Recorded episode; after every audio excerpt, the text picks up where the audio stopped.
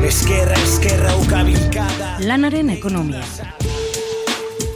Kutsadura informatiboari aurre eginez, ekonomia gaiak jorratzen eta ulertarazten duen saioa. Bilbo iria irratia, hor dago eta argia, elkarlanean. Lanaren munduko analizia. Lagunak egan, ametsak egan, izkinan bertan, usta bildu, eta berriz bueltan. Denbora gelditzea bagenu, don't stop. Amodi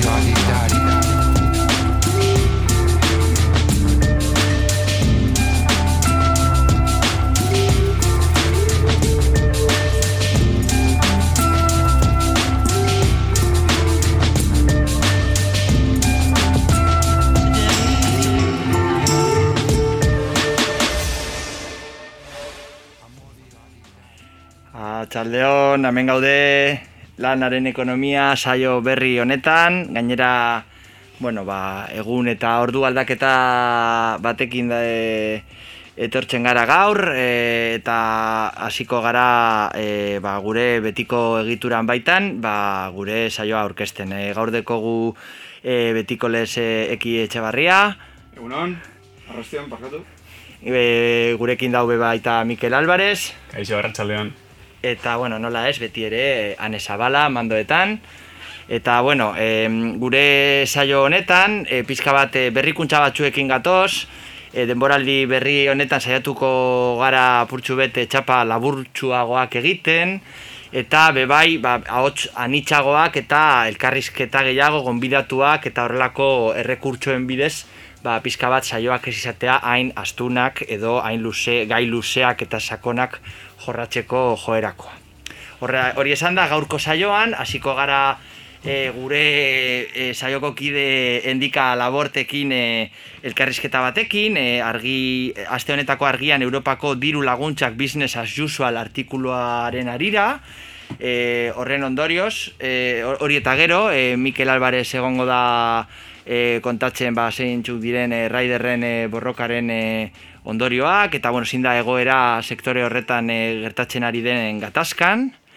E, a, horren aurretik parkatu e, betiko lez eki, eki keingo deu sindikal agenda, eta gainera baita honetan daikogu berrikuntzak, ze dakizuen ez, ba, de, deia lusatzen dizuegu ba, borrokan eta gatazkan da bilen langilei ba, bidatzeko gure saiorako audioak, eta berez gaur batzuk jaso ditugu gure gure lanaren, gaurko lanaren ekonomian, Orduan, bueno, sindikal agenda, endikala bord, Mikel Álvarez, eta bukatzeko gure betiko argia aldizkariarekin kolaborazioan, ba, izango da, onintxa irureta, e, Gipuzkoako zahar egoitzen egoeraren inguruko erreportaia hain zuena pasadan asteko argian. Orduan, bueno, hori danagaz eta betiko lez ba, umore apurtxu bategaz, aurrera guaz. Amodi Kaixo egunon, ba, bueno, e, azteko,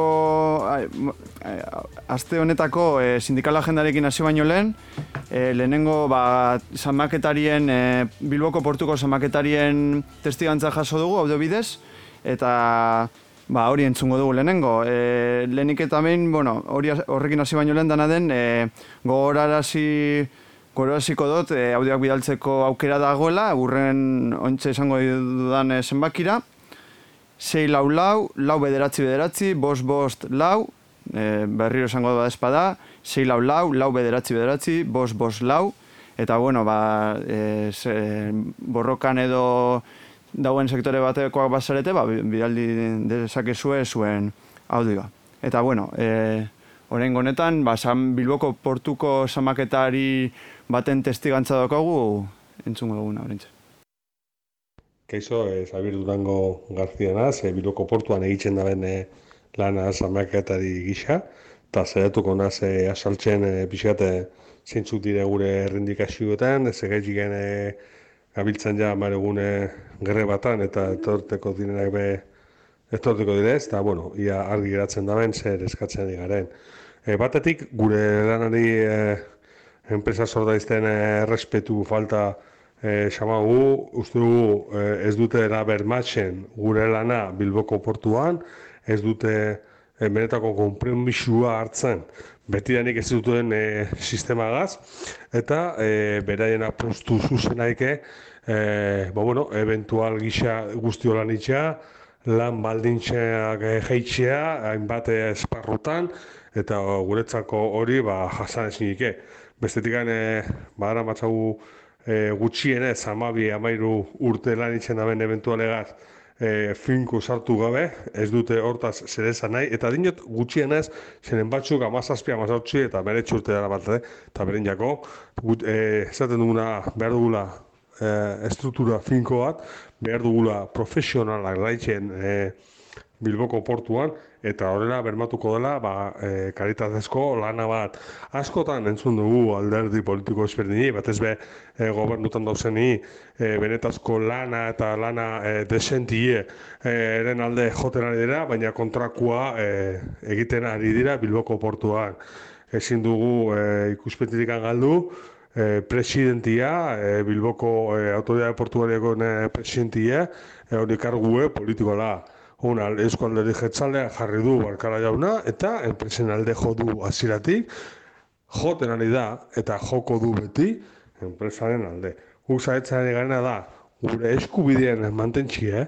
Datoztenak gure eskubidegaz lan eitxe, eta ez dau besterikan, beste gauza batzuk tratatuko dugu, baina e, lehenengo bi puntu hauek ez dire tratatzen, ez dute gure tratatu, eta hortikan ez gara pasatuko.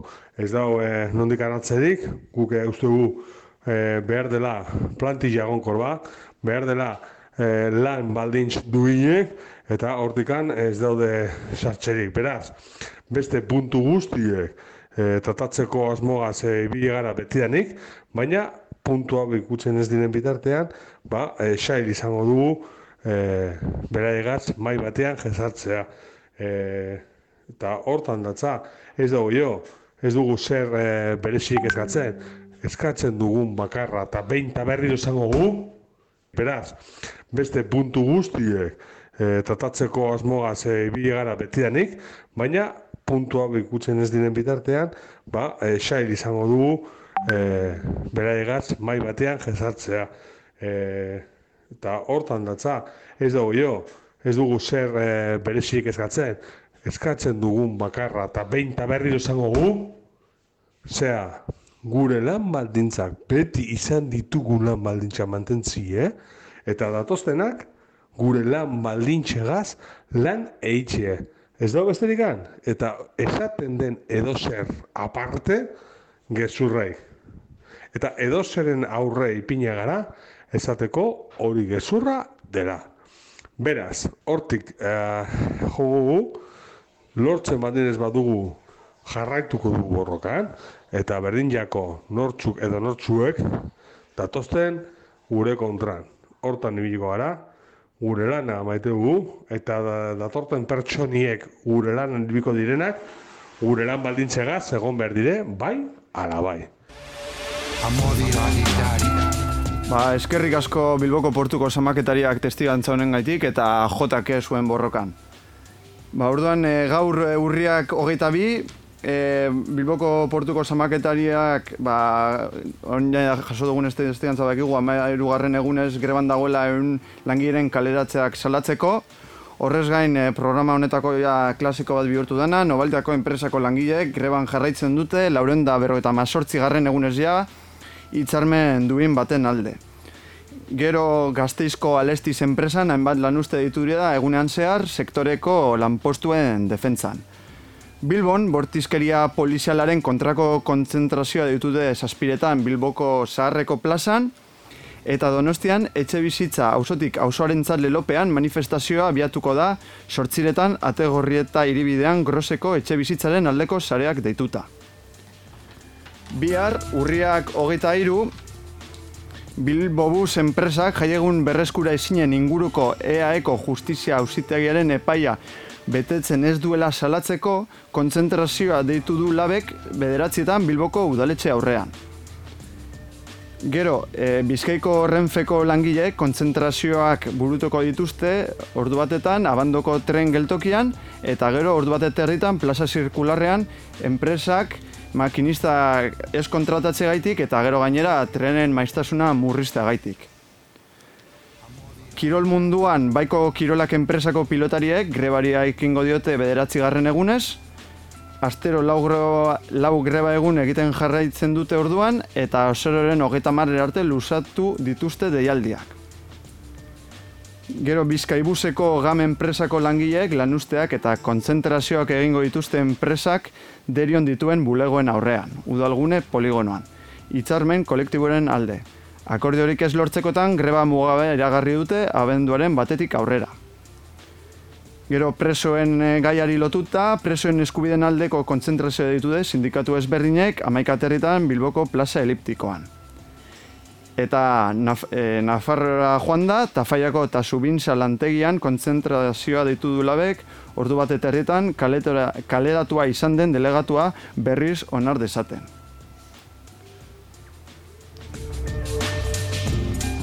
Urriaren hogeita lauan, zapatuan, Bizkaiko GTS eta Matrizeria Deustoko langileek manifestazioa egingo dute amaika terdietan Bilboko esko jaularitzaren egoitzatik abiatuz.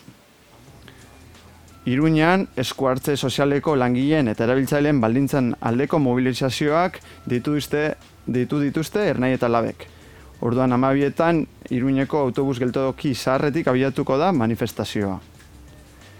Eta Nafarroan eh, beti ere, Kastejonen trenasa iztaren aurkako manifestazioa ditu dute langileek, bostetan lantegitik bertatik e, irtengo dena.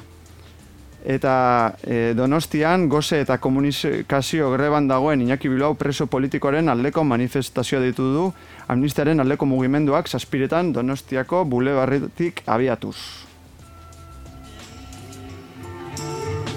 Urriaren hogeita zazpian, martitzenean, EAEko ikastetxetako jangeletan, bigarren greba eguna ditu dute sindikatuek segurtasunaren, enpleguaren eta lan baldintza duinen alde. Ondoren Bilbon, sornotzako adakar enpresan kaleratua izan den delegatuaren epaiketa egingo da lan arloko epaitegian. Kontzentrazioa ditu du labek, ordubiak, amabiak eta laurdenetan.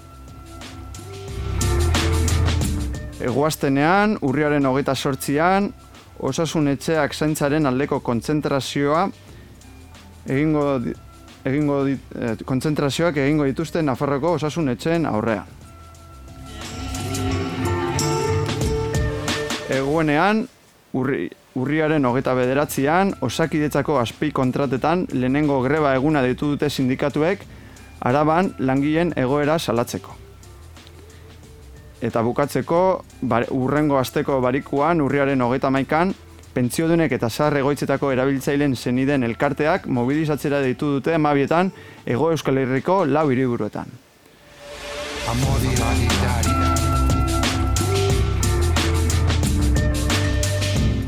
Eta, bueno, e, bigarren testigantza bat jaso dugu, oraingoan etxe bizitza problematikare lotuta, e, enekuriko lagunak, e, hau da, enekuriko etxe batean e, okupatut, e, okupatutako etxe batean bizi diren lagunek bidali digute testigantza, desokupa antzeko e, talde baten akosoa jarra, e, jaso dutelako aurreko astean. Eta, bueno, entzun dezagun ba, zer dio, zer dio eskuen.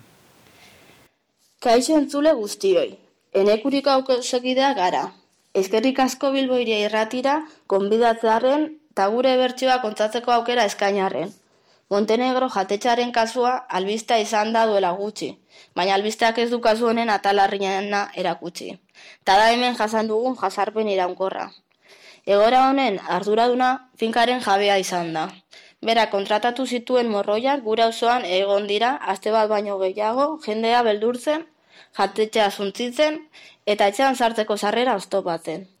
Arrazoia, ez gaude baina argi dago Fatima etorbidaren hirugarren zenbakian gaudenok ez daukagula zerikusirik jatetxearekin. Jabe berberari dagokion arren hirugarren zenbakian dagoen etxea gure etxe bizitza da duela hilabete bat baino gehiago. Beraz, gu kaleratzeko asmoa guzti zeroa da. Morroien joera basati eta beren mafia espekulatzaile eta manipulatzailearen modus operandia agerian uste baino ez dute lortu bere estrategiarekin. Baina hau ez da haiek emandako bauzo bakarra.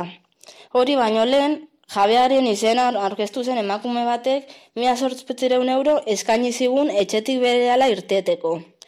Ez eskoa jaso zuten. Han bertan geratzea erabaki genuen, eta bertan jarraitzen dugu hori bai. Ge- Gerturatu diren lagun eta eragile ezberdinei esker. Negoziazio maltzur eta morroien indarkeriaren ondoren dena den, edabideen jasarpena be jasan behar izan dugu gabez ere. Hiru egun iraundutako koberturak helburu bakarra baino ez zuen, auzokideen aurkako presio handitzea. Haiek aurka- aurkakotasunaren mezua zabaldu dute. Gurea eta gure auzoko egoera jasainen zina izango balitz bezala. Errealitatea guztiz kontrakoa den arren. Adibidez, Bilboko okupazio bulegoaren prentzaurreari ia ez zioten kasu egin eta gube antolatutako ekintza albistetik kanpo utzi dute. Auzokideen babesa eta elkartasuna ez dute haien arreta merezi. Baina egia esan, praktika mafioso horiek gero eta zabalduagoak daudela dirudi. Gurea behingoz ez da kasu bakarra. Gure ustez, hausnarketa kolektiboa eta antolakutzaren beharra agerian utzi du. Auzokideei informatzea eta elkar laguntzea resistentziaren atal importantenak dira. Gerta liteke beste auzo edo herrietan horrelako borroka piztea. Etxe bizitza eskubidea ezin izango da berez bermatu herri botera auzoetatik ez baldin bada sortzen. Ta mafia hauei aurre egin ahal izateko ezin izango dugu itxaron agintaren erantzuna iritsi arte. Zer ba berandu egieltzen bada? Ez dago denbora galtzerik.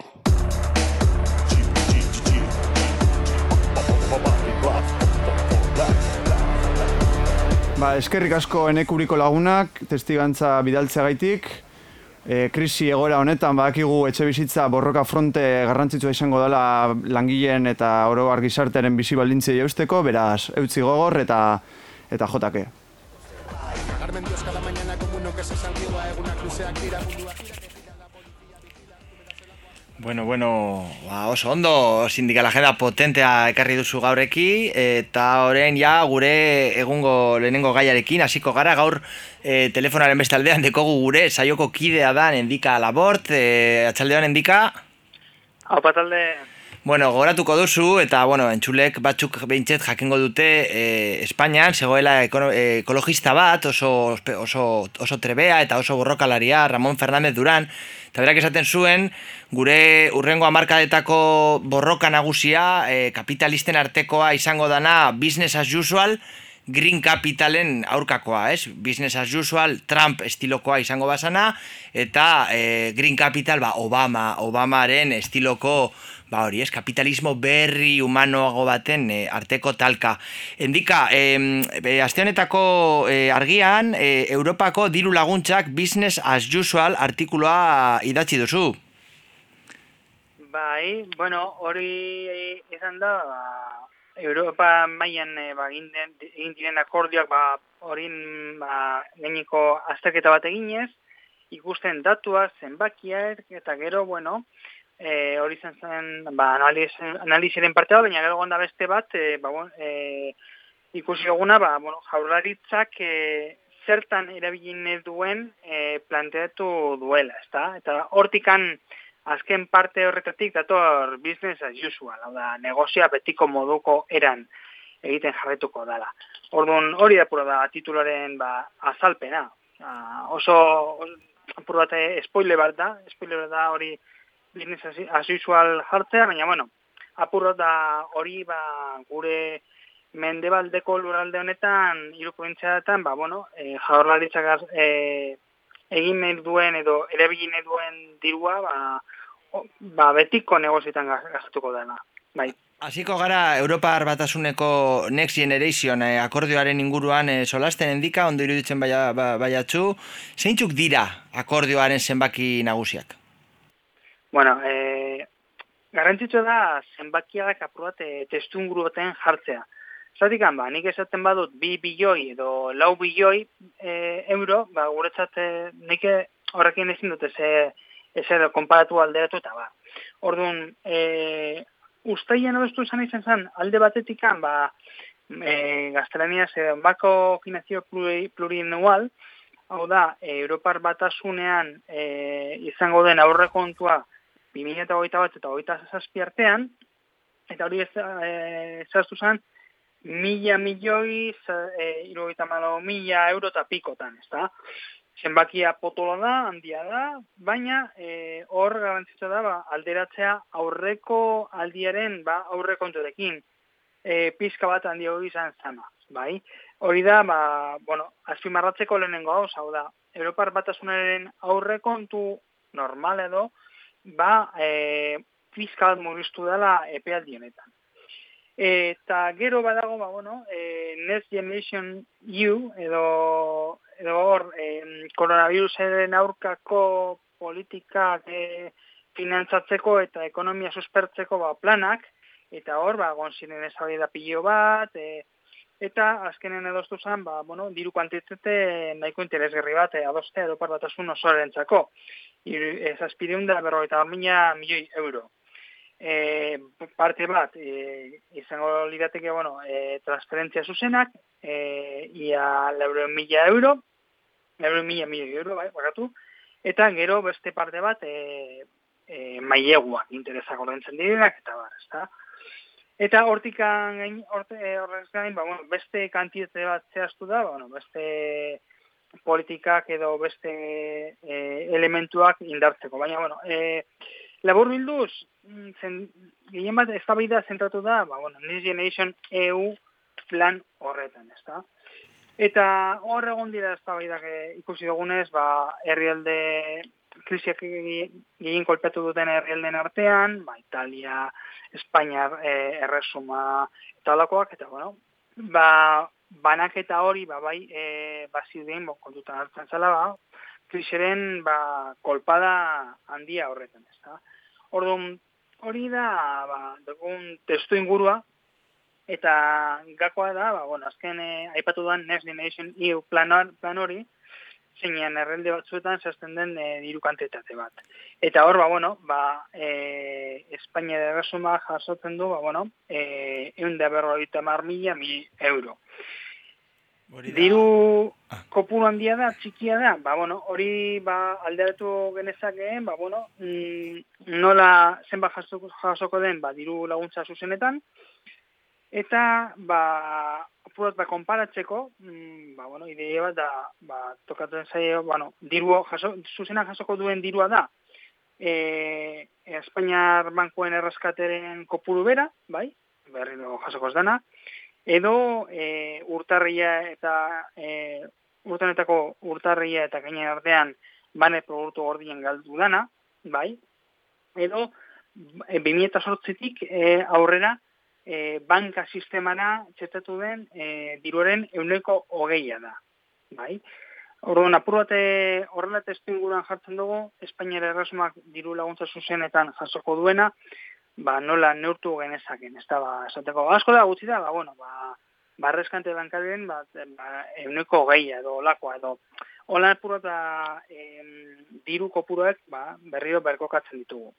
Eta, eta horren dika, eh, dino, pizka bat entxuleko katzeko, eh, esan alda, diruko puru importante bat dala, ez? E, urrengo urteetan, bueno, ba, edatxe politikak egiteko, eta aurreko krisiarekin alderatuta, bueno, aldakuntza, aldakuntza dagoela, behintzet Europatik, e, garaian tro, e, austeritate, troikanotik e, irtetxeko, edo behintzet, aldakuntza bat egon dela, baina egongo da kontrapartidarik edo diru laguntza hori jasotxearen truke e, nazio tokiko politikak e, baldintzatuko dituzte Europako teknokratek? Hor, e, akordi irakurritea gertatzen dena da, hor dagoela puntu bat, zinen e, estatu bakoitza, bueno, diru askatuko du, bai, e, bai mainagoetan eta baita diru, diru laguntza zuzenetan jasotzeko, eta e, horretarako hainbat e, plan edo diru esaten ere biliko duen aipatu beharko du, bai? E, baita ere horretarako, ba, txosten bat egingo du, eta e, erresilientzia plan batzuk edo e, entre, e, berreskurapen eta resilientzia plan nazionalak egin beharko ditu Europara. Eta noski, e, hor dago gakoa. E, plan bat e, jarriko da ba, beste Europako estatu gobernuen esku, eta gobernu bakoitzak egingo du balorazioa hor badaude hainbat e, elementu. Lehenengo da, ba, bueno, e, defizit publikoa de- betetzea edo, edo bueno, emneko hiru hori betetzea, ezta? Edo gastu publikoren ba, muga edo muga bat mantentzea. Hori Orain ez da aipatu eta agian eh, aurreko epelderekin ba, ezberdina da, zuzenean aipatzen zalako, baina e, urte bat edo zei bete pasatzen diranean berrio voltakotuko dira, ba, bueno, olako, olako elementu murriztailekin. Eta aipatzen denean, ba, bueno, olako plan nazionalak, badakigu, ba, bueno, dirua jasoko dela, baina ziurreniz, e, ziurrenik, ba, bueno, murrizketak mantenduko dira. Zeratik ba, ortodoxia neoliberala momentuz, eta gaur egun hor- horrela da, nez eta apur bat eh, kolokan jarri den plan honekin, e, indartzu mantentzen da, zentzu horretan. Orduan, horretik e, oso logiko izango da, ba, bueno, dator urtean edo urrengoan, ba, hainbat eh, privatizazio, em, sektore privatizazio, privatizatzea, e, adibidez, e, aipatzen badugu lan merkatoren reforma, bueno, ba, e, plan honetan, e, planon hauen arabera ziurrenik, e, ez dutela e, kontrareforma bat potente bat egingo, edo pentsioen reforma, hor dagoela ez da baidan, ba, azkenean jasotzen denean dirua egingo duena da, ba, e, pentsioen, pentsioen erreforma, ba, bueno, betiko idei neoliberalen arabera egitea. Orduan, hortikan etorriko da, agien ez da izango hain zu, murrizketak hain zuzenak, baina bai e, ez dauden zenbait e, sektore edo elementu e, ba, erreforma edo, bueno, ez dakit nola esan zehazki, baina bai, Europar, Europak e, ortodoxia neoliberalenen mm, muga jarriko dituela e, kasu egiten. Eta, bueno, batez ere, azimeratzeko da, ba, pentsioen erreforma, hor, bero-bero dagoela, dagoelako. Em, Endika, e, aste honetako argian e, argitaratu dozun e, artikuloan, asten zara, e, bai Nafarroa, bai Baskongadetako ekonomiari un poco pisua, e, jendeak pugutxu bat e, kokatzeko zenbateko dirua dan eta abarez, baina gero bukatzen dozu eta hor dator business as usual hori, e, gure kasuan Eusko Jaularitzak e, setan erabili nahi duen e, ba, hori diru partida hori, ez? E, zein da zein da e, e, bueno, ba, urkullu eta abarreko e, estrategia edo zein izan da beraien Europarekiko e, txosten hori e, e, islatzen duen e, eredu ekonomikoa.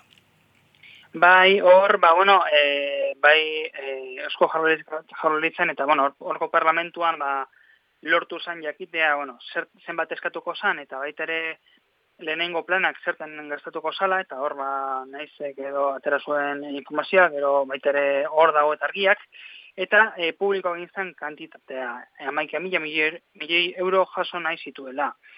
E, lehen esan dudan moduan asko da, gutxi da, ba, bueno, ba, alderatzen badugu, ba, izango litzateke Euskal Autonomi Erkidegoko administrazio publiko guztien gastuen euneko irroia. Bai jaurlaritza, baita foru aldundiak eta baita udalak hartuta. Bai, orduan bada, diru kantitate nahiko interesgarria. Mm, eta gauza da, atera dela zertan gastatu nahi den edo zertan zautu nahi den. Hau da, ierdia abiadura handiko trenako lanetan gastatuko dela, Iberdrolan eta Petronorren. Orduan, azkenean horretik esaten dut business usual dalako, dirua sartzen delako, e, e, Europatik, bueno, Estatu Espainola ingo du hor bitartekari moduan, eta gauza da, ba, suposatzen denean, ba, ekonomia berdea edo edo edo olako sistemak edo olako ekonomia aldaketa bat e, bultzatu behar den e, momentuan, ba, batez be pandemiak eta hori argi argi utzi du eta bueno, e, aldaketa hori egin behar dela, ba hemengo mendebaldeko agintari hauek ba bueno, plantatu dutela ba, betiko betiko martxan ja, e, betiko martxan e, jarraitzea. Hor, ba, badago elementu bat eta aipatzen dut, ba, bueno, mekanismo bat e, e, erabiltzen dena da pat dependence, eta esan nahi du agintariek hartzen dituzten erabakiak, bueno, e, iraganean hartutako erabakien edo edo esperientzien arabeko, arabeko, araberakoa direla. Hau da, batetzen dutena da e, bide berre, e, berdinen egin jarretzea. De- Demagun titanik bat dugula, aurren dekogula iceberg bat, ba, bueno, ba, hemen eh, ez dute Titanic eh, honen norabidea apenas aldatu. Orduan, horretik eh, planteamendua, ba, bueno, dirua nahikoa da, baina zertan edo nola gastatuko duten ikusita, ba, bueno, ba, azkenean ba, betiko negozioarekin man, jarraituko da, ziurrenik. Eta hor, e, ba, ag- agiren geratu da, azkene azteguetan.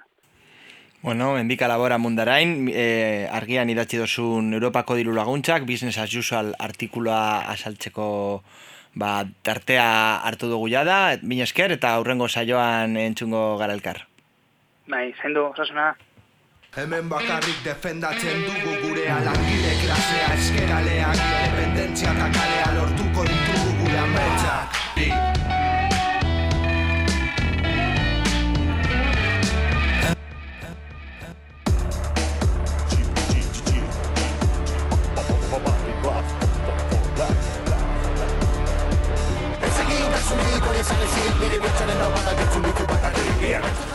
Ba, bueno, orain e, plataforma digitalen eta ekonomiaren uberizazioaren gaiari e, utziko diogu.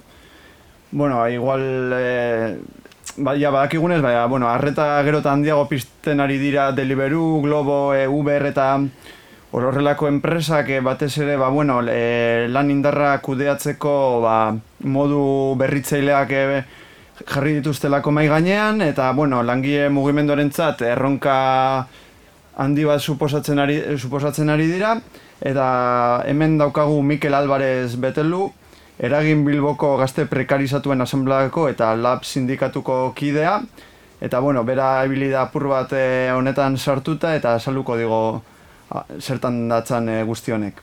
Orduan, eh, eh, Mikel, eh, zei guzu, eh, zer dira plataforma digitalak, eh, zertan dira bereizgarriak, edo ze, zer, zer, zeintzuk dira ezaguarri nagusiak eh, hau erabiltzen duten enpresetan.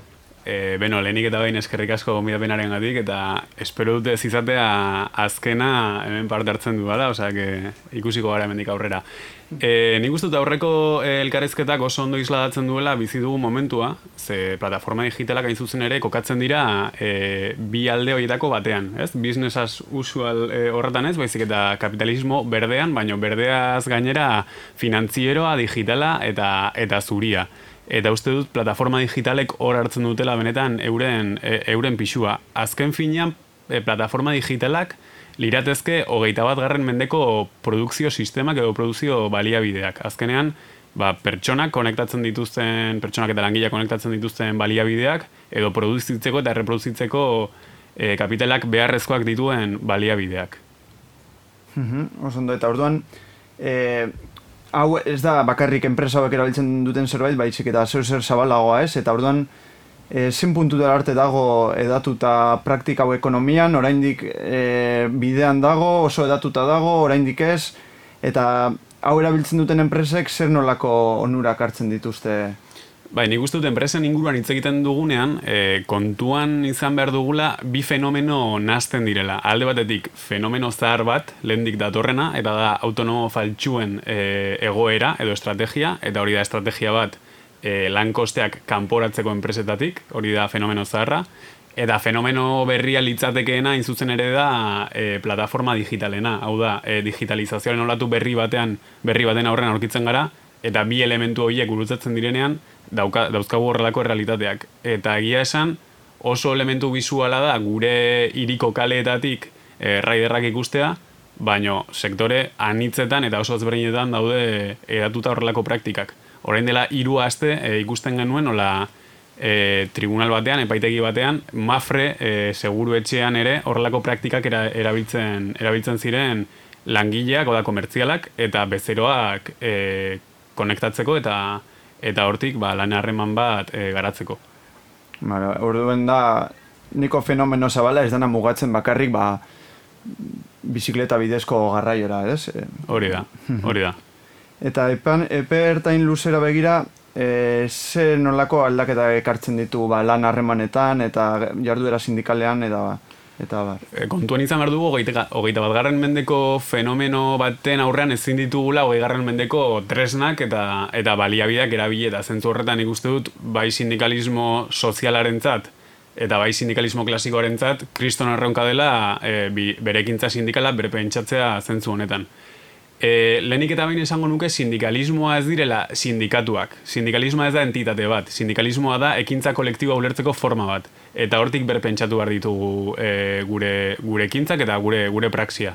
Eta zentzu horretan, e, uste dut e, sindikatu klasikoen eta sindikatu berrituen edo sindikalismo berrituaren arteko dialektikan dagoela e, azkenean langile hoiei babes bat eta tresna batzuk eskintzeko e, ba, beharraren e, garapena ez eta hor jarri behar ditugula gure indar gehienak hor nik daukadan praktikatik hitz egin dezaket eta egia da eragin bezalako e, plataforma edo eragile bat e, existitzeak sindikatuak behartzen dituela bere struktura sindikalean bestelako praktika batzuk txertatzen. Eta azken finean, horrelako praktika batzuk txertatzeko sindikatua malgutu, hurbildu eta, eta bueno, e, beste gauza batean e, bilakatu behar da. Orduan uste dut, dialektika horretan e, denok irazten, irazten dugula, naiz eta dialektika hori askotan gatazkatsua izaten den e, kudeatzea. Eta gero, ekintza sindikala ulertzerako orduan ere, uste dut, ekintza, oza, sindikalismo sozialetik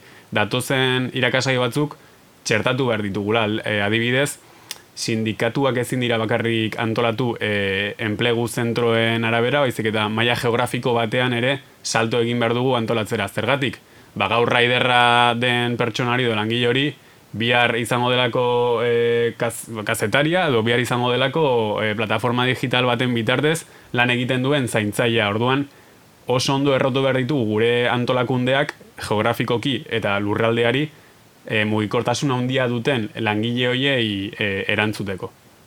Vale, vale. Urduan, e, lurralde mailako antolaketa bueno, e, sendotu eta igual gehiago hori bai indartu le, lurralde egitura, ez?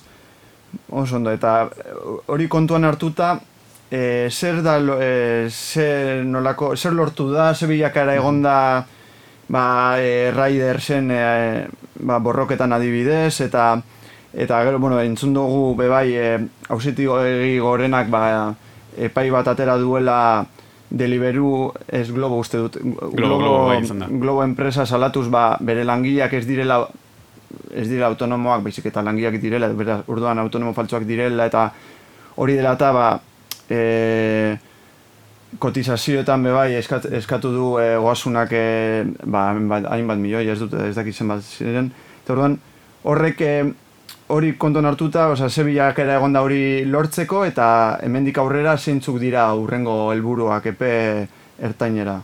E, bai, bilakera horretan e, zentratuta eta aurreko galderari erantzunez ere bai, uste dut e, funtsezkoa izan dela e, egoera honetara iristeko e, garatu, garatu diren aliantzak Rider Sport Derechos plataformaren eta bestelako sindikatu alternatiboen artean. Eta zentzu horretan ere, uste dut e, Europako, batez ere Europako metropolien arteko aliantzak ere e, funtsezkoak izan direla, beste herrialde batzuetan gertatzen ari ziren e, indar korrelazioak, harremanak, borrokak eta antolakuntzak e, kontuan hartzeko.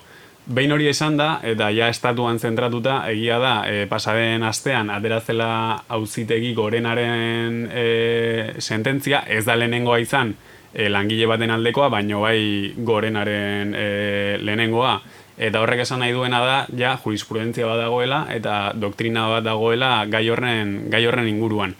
Oso esan da ere, e, prozesu horretara salto egin zuen langileak, edo, bueno, gorenera iritsi zen langile horrek, aipatzen zuena, langile horri eskaini dio Globo enpresak milaka eta milaka eta milaka euro bere kasuarekin ez jarraitzeko. Eta berak esaten zuen aurrera jarraitu duela beraren gatik, raider guztien gatik, eta bere semearen gatik. Eta zergatik bere semearen gatik, bere semeak lan egiten duelako autonomo faltsu bezala, Madrileko osasungintzako enpresa batean. Orduan, nik uste du nahiko ondo, e, ba, nahiko simbolikoa dela kasu hori. Eta ja pentsatuz eta gure burua jarriz eta hemendik aurrera zer galdera horretan, esango nuke erronka ezberdinak ditugula. Alde batetik erronka izango litzateke e, sektoreko, hau da, e, jarari banatketan ari diren eta plataforma digitalen bitartez lan egiten duten e, langileen antolakuntza e, bermatzen, eta ja, e, itzarmen kolektibo baten aldeko borroka sustatzen, e, ba, antolakuntza sindikalaren bitartez eta praktika berrituen bitartez, hori alde batetik. Beste alde batetik uste dut honek agerian utzi duela e, bai gizarte segurantzan eta lan ikuskaritzan e, aritzen diren e, profesionalen e, ezintasuna e, bermatu behar dira e, errekurtso horiek horrelako kasu gehiago ez, ez gertatzeko. Eta gero beste alde batetik badago e, nolabait estrategia legala edo estrategia ikuspuntu juridiko batetik egin daiteken estrategia Eta horregia da sententziak esaten duela, e, bueno, sententzia da globoko langile baten inguruan, baino bai sententziak dituela elementu nahikoak, e, sententzia hori janari banaketan eta plataforma digitalen bitartez aritzen diren langileetan aplikatzeko.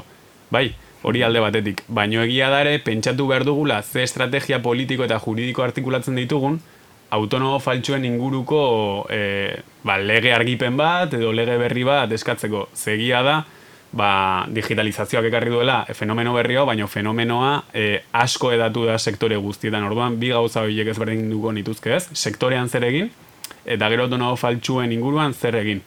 Eta hor ja azken orduko berri bat, pasaren, e, pasaren egunean, hau da, atzo, egon zen elkarrizketa sozialaren maila Madriden, eta raiderren inguruko lege horren inguruan egon ziren hitz egiten, eta ja hartu omen dute determinazioa e, lege hori edo lege arrekipen hori autonomo faltsuen inguruan izateko, eta ez bakarrik raiderren inguruan. Orduan, bueno, erabaki deliberatibo hori edo edo eztabaida hori atzeratu dute, baina determinazioi hori e, badago. Orain ikusi beharko da, zein dar korrelazio e, sortzen ditugun kalean, ze mugimendu eratzen dugun, eta zein dar dugun benetan horren alde borrokatzeko. Mm Bai, erratu nauz lehen esan dut hogasunak esegitu dizkiola milioiak e, globori, baina ez da hogasuna bitxik eta gizarte segurantza. Eta, bueno, ba, eskerrik asko betelu e, elkarrizketu honetan parte hartzagaitik. Eskerrik asko zui eta gonbidepenagatik ere bai.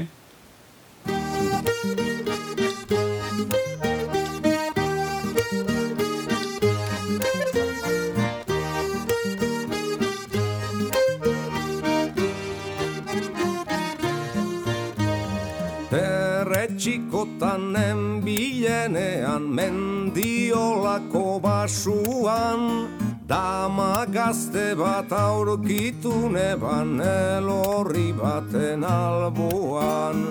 Gaztean nintzan zoroan nintzan jarri nintzako alboan Amentaltxoa zabaldu eta hartu ninduen altzoan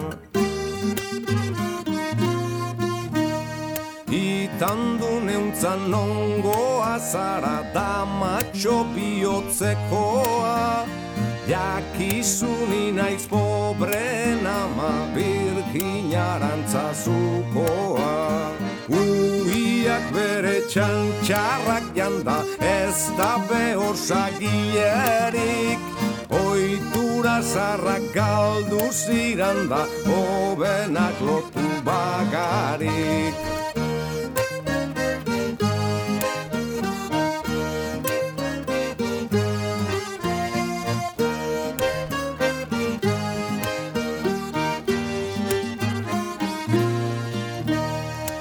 Gaztean nintzan zoroan nintzan Nitan du neuntzan menmenik. Zergatik zagoz dama galanta Hain triste bakar bakarrik. Gaztean nintzan zoroan nintzan Nitan du neuntzan menmenik. Zergatik zagoz dama galanta Hain triste bakar bakarrik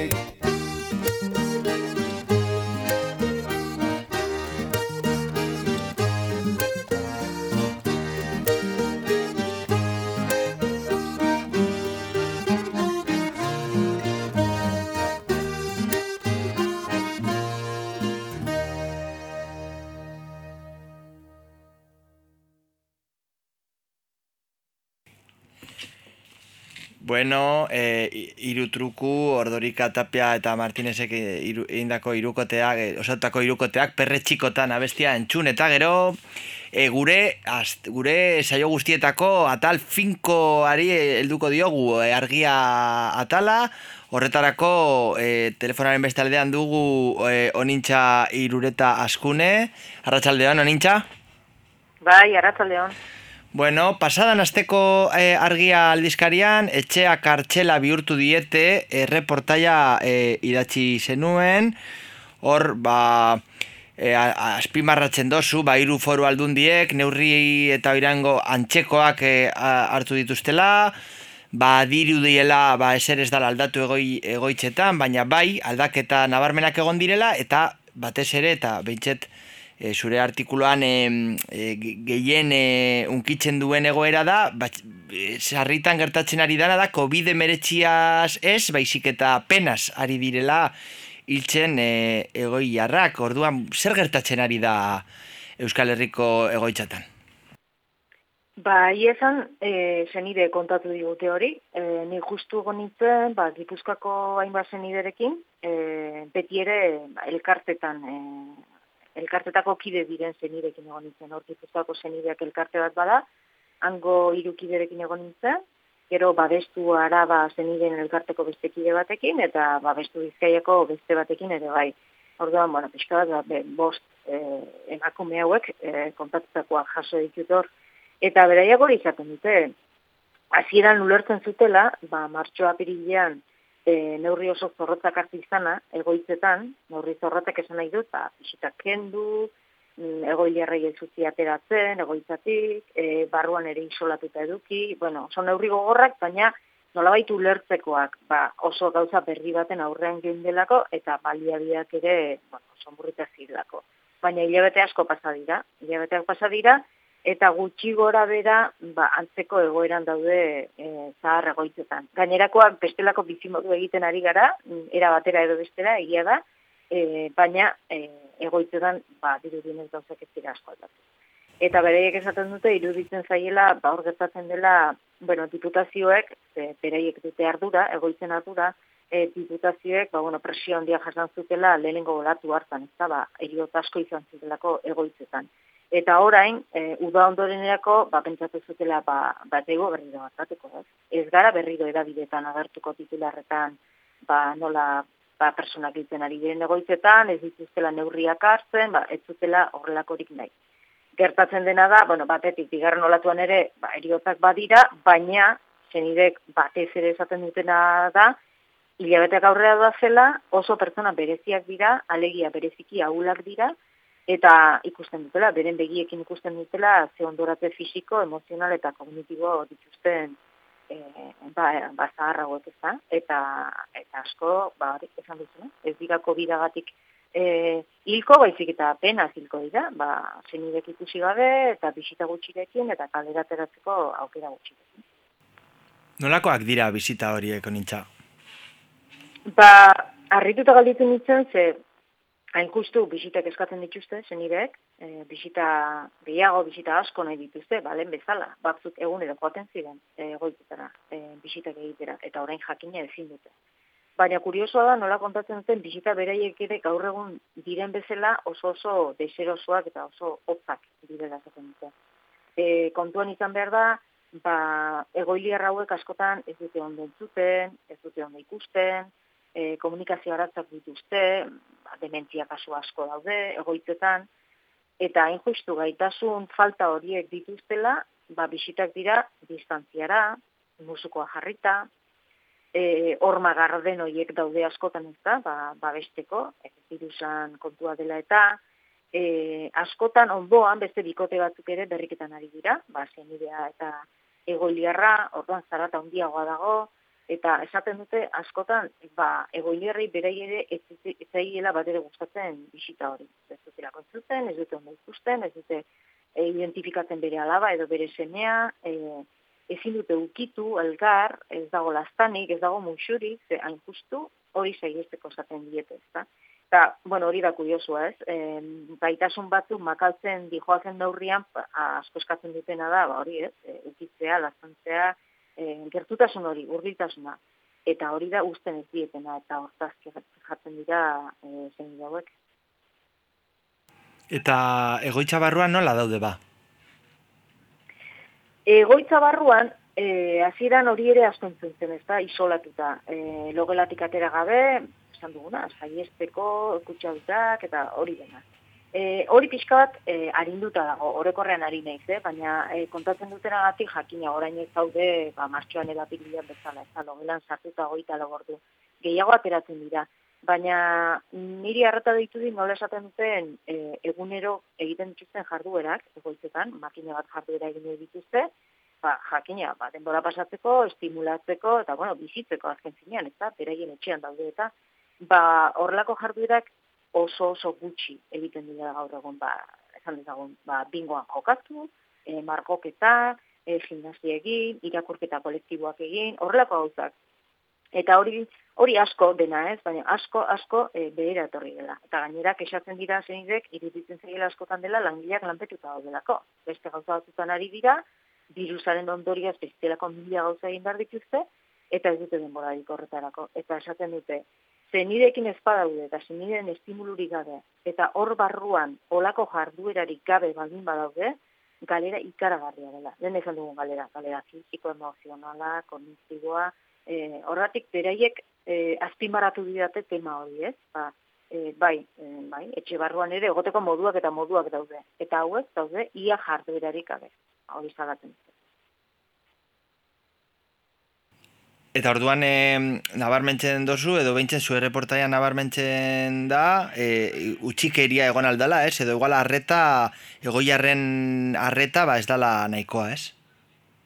Bai, e, puntu bada esan duguna ez, jarduerena, baina gero esaten dute orokorrean ere, bueno, ez dituzte asko ikusten egia da, baina bisita urri horietan, e, nabaritzen dutela oso detalle txikietan, baina gauza batzuetara ez direla iristen, e, langileak, eta jakina ba, ba egunero joaten zirenean zenideak ere ba mantenu horretan ba adibidea jarriko ditut esate baterako ba arropa nola daukaten ez? Ba gerta daiteke ba botei bat apurtu zaiola edo edo ezakit e, bai ba zerbait gertatzen dela entzuteko aparatuari edo ez? E, matxuratu dela edo hau edo beste eta horrelako gauzetan zenideak ba egunerokoan eba normala den bezala, bere, bere senideak, ez da bere gurasoak edo ganadarakoak zeintzen zituztela. Orduan, orain hori ez dago, iaia ez dira sartu detein zenideak, eta bisitak oso gutxi dezkaten. Eta era berean zaten dute iruditzen zaiela langileak berriro ere lanpetuta daudelako, horrelako detaileak ez direla ari zeintzen. Eta detaileak, bueno, batek esaten du, tontakeriak dira, baina tontakeria asko, esaten du. Eta batzu kontatuko ditut. Ba, izan daiteke, ba, eraztuna galdu zaiola, ba, ez? alaba edo semea konturatzen da, ba, aitari edo amari, ba, edazten da galdu zaio. Edo baita entzuteko aparailua galdu duenik ere, ba, edo ba, ikustea bapatean, ba, aitak e, jantzita daukan jaka, ba, ez dela berea, ez da? Beste norbaitena, ez, ba, oso polita da jaka, baina ez da nire aitarena, ez? Eta hori jantzita dauka. Edo amak esatea, jo, ba, ikaragarrezko tximak, e, neuzkan, eta tesiatzen dagoen, e, ilia paintzalea noiz etortzen zen, ilia mozteko, baina gora honetan, etzen etortzen, eta eta oso oso desero esan da, e, horrelako hau edo, ba, okerragoa, ba, ez dakit, aurpegiko bizarra kendu gabe izatea. Aurpegiko bizarra kendu, anera badakigu, ba, ez dugula bertin bizitzen, gizonaren kasuan edo emakumearen kasuan, ez da, ba, kasuan izan zen, emakumearen kasuan. Bueno, ba, alabaketien ikara harrizko garrantzia eman, baina bai, zaten zen, detalle horiek erakusten dute, ba, eguneroko mintasuna bermatzen duten gauza horiek ere, ba, ba despistatzen ari zaizkiela, eta esaten zuten, segur, seguruenik, ez da, e, langileek lehen egiten zituzten lan hori guztia, baina orain ez direlako iristen, ez daukatelako denborarik e, eta baliabiderik e, horri denari erantzuteko. Eta honintza, e, gure garaila txauen irudia irudia dan e, ama eta alaba baten e, historia kontatzen dozu zure reportaren amaieran Amaia Alvarez Barakaldoko sanita egoitzan hil, hilberri zaio ama eta ze, ze, ze, zer kontatu dizu edo zein dan historia hau Bai, beira, Amaia Alvarez ezagutu nuen e, uda aurretik, ba, ikustu, elkarrezketa egin niolako, ba, kontatu zezan, berak nola bizi zuen, ba, ama egoitzan egonda, e, bai, ba, egoera nola bizi zuen, eta orduko hartan elkarrizketa inion, eta horretan gero gelditu zen. Baina gero jakin nuen orain, e, ba, uda pasata gero, ba, ama izitzaiela, ama izitzaiela, eta hortaz gain, esan zidaten, bueno, ez egola bate pozik, nola, nola izan ziren azkenengo aste horiek, ezta? Eta, bueno, amaiarekin hitz egin nuen, eta berak izan ziren, ba, ba bueno, ados, kontatuko zuela, zer gertatu zitzaion, eta eta da beste, beste adibide bat, eh? azkenean, e, berak detaile askorekin kontatzen du, ba, bueno, nola e, azkenetan egon da, berak ikusten zuen, ezta, e, ama utzen zijoala, e, jakine, bere ama, laro, eta dute zituen, hiltzenean eta bazekien, e, bueno, hau zegoen pertsona bat zela, baina ikusi zuen bereziki hau zela eta ikusi zuen irudituzkaian, ba, azken izango zela, ezta? Bueno, azken egunetan ere izango zela. Ba, ikaragarrizko borroka izan zuen, e, goitzako zuzendariarekin, ba, ziolako onartzen, e, azkenengo, ez dakin nola esan, e, kontu teknikoa diren edo, ba, ez egoela azkenetan, alegia, ba, egoera horretan beste goili arrasko ere bat zeudela. E, horrek ez zuela esan egun bat egin hilko zen. Horren ondorioa da, azken finean, bisita gehiago egiten ez ez zitzaiola guzten alabari, eta ez da ere bere bine behi, baziten bine da, zain, bisitak egiteko.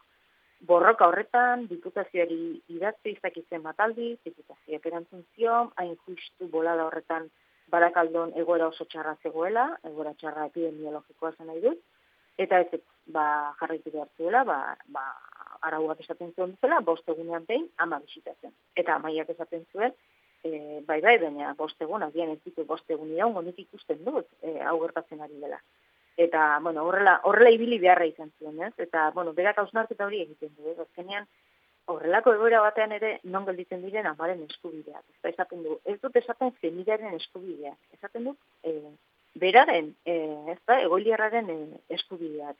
E, ez zaiela galdetzen, zei ezer galdetzen, e, bueno, edo, edo beraien azkenan nola izaten nahi duten, edo bisitak nahi dituzten ala ez, zenbateraino arriskatu nahi duten e, ba, ba, kutsatzera edo ez, beste, batzu, beste gauza batzuei garrantzi gehiago ematen dieten, esatea berako bisitak izateari, urte askoko pertsona daude egoi bigarretan kasu honetan bezala, laro eta mazei urteko emakume bat, amaiak esaten zuen ez, amari galdetzen badiozu e, aukeratzeko edo zer nahi duen, ba, jakina esango dizula e, azken egunak ba, zenidekin pasan dituela, ez? Eta, eta hainbeste, bueno, gerra pasa dute, gerra ostea, e, milaka olako kontu pasa dituzte, eta orain egoera honetan, ba, ba bueno, ez dute, askotan ez daukatela horrelako bildurrik, ez da? E, nahi dute bukatu goxo. Baina ez galdetzen, e, ez dute eskubiderik, eta, eta hor, e, kontu horiek eramaten dituztenak dira egoitzako zuzendaritzak eta hemen dirudienez gainera askotan ba, bueno ba foru aldundiak ere arrazoia arrazoia ematen du eta eta esen galitzen dira nora jo ez dakitela eta zer egin ez dakitela. Eta bueno amaiarena kasu bat da baina horrelako pila bat izan dira ezta? E, ba, horrela azken egunak horrela horrela egin beharra ezta? Guk amaia ezagutu genuen eta bere bere kasua kontatu dugu. Bueno, ba, Hemen Bilboiria irratitik gure elkartasun osoa zahar egoitzetan lagun zenide e, galdu dozuen danentzako. E, COVID-19 gara gogor hauetan, e, onintza irureta, etxea kartxela bihurtu diote erreportaia, argian idatzi dozuna, mil esker e, gure mikroetan kontatzea gaitik. Zuei eskerrak. Eta hurrengo batera arte. Bai, hurrengo batera arte. Eskerrik asko. Dios cada mañana como uno que se santigua en una crucea gira, mundua gira que gira, la policía vigila, tú me das el agua para voy a llamar tan duroso como vida, mira, de rimar en el reggae like maisa, jodiendo la iglesia, me dicen el boca sucia, de rimar en el reggae like maisa, jodiendo la iglesia, que me dicen el boca sucia. Asedio, definiría esta talla de compromiso, de politizar este inciso, de sacar la verdad a la calle y de protestar contra la masa. Bueno, bueno, bueno, gure helburua izan da ordura esa llegatzea, baina ja betiko les, ba ordua gara, e, gaur gainera berrikuntza nitzekin etorri gara, e, kolaboratzaile berria ekarri dugu hemen Mikel Álvarez, mi esker betelu hemen egotea gaitik. Eskerrik asko zuei. Eta bueno, ba, Eki Etxabarriak aurre be bai, berrikuntza ekarri dugu bere sindikala agenda e, portuko samaketariak eta enekuriko lagunak desokupa mafioso maltsurren aurkako borrokan dabienak e, dabien testigantza ekarriz. Placer bada hemen egotea beti. Eta bueno, ba, ekin dugu endika labor, gure saioko kidea, telefono, sonintza irureta, argiakoa, eta bueno, ba, mik, e, beteluke raider eta autonomo faltsuen e, borroken inguruan e, berbain digu. Ba, potoloa etorri da gaurko saioa, eta bueno, ba, jarrituko dugu, betiko les, bihaztean behin, bilboria irratian, e, arrozasareko beste irratiekin bat, eta nola ez, eta beti ere, ane zabala e, mandoetan egoteari, egote, egotearen ondorioz. Así que, urrengo batera arte, animo ba! Eskerra, eskerra, ukabilkada Lanaren ekonomia. Kutsadura informatiboari aurre eginez, ekonomia gaiak jorratzen eta ulertarazten duen saioa. Bilbo iria irratia, hor dago eta argia, elkarlanean. Lanaren munduko analizia. Lagunak egan, ametsak egan, izkinan bertan, usta bildu, eta berriz bueltan. Denbora gelditzea bagenu, don't stop.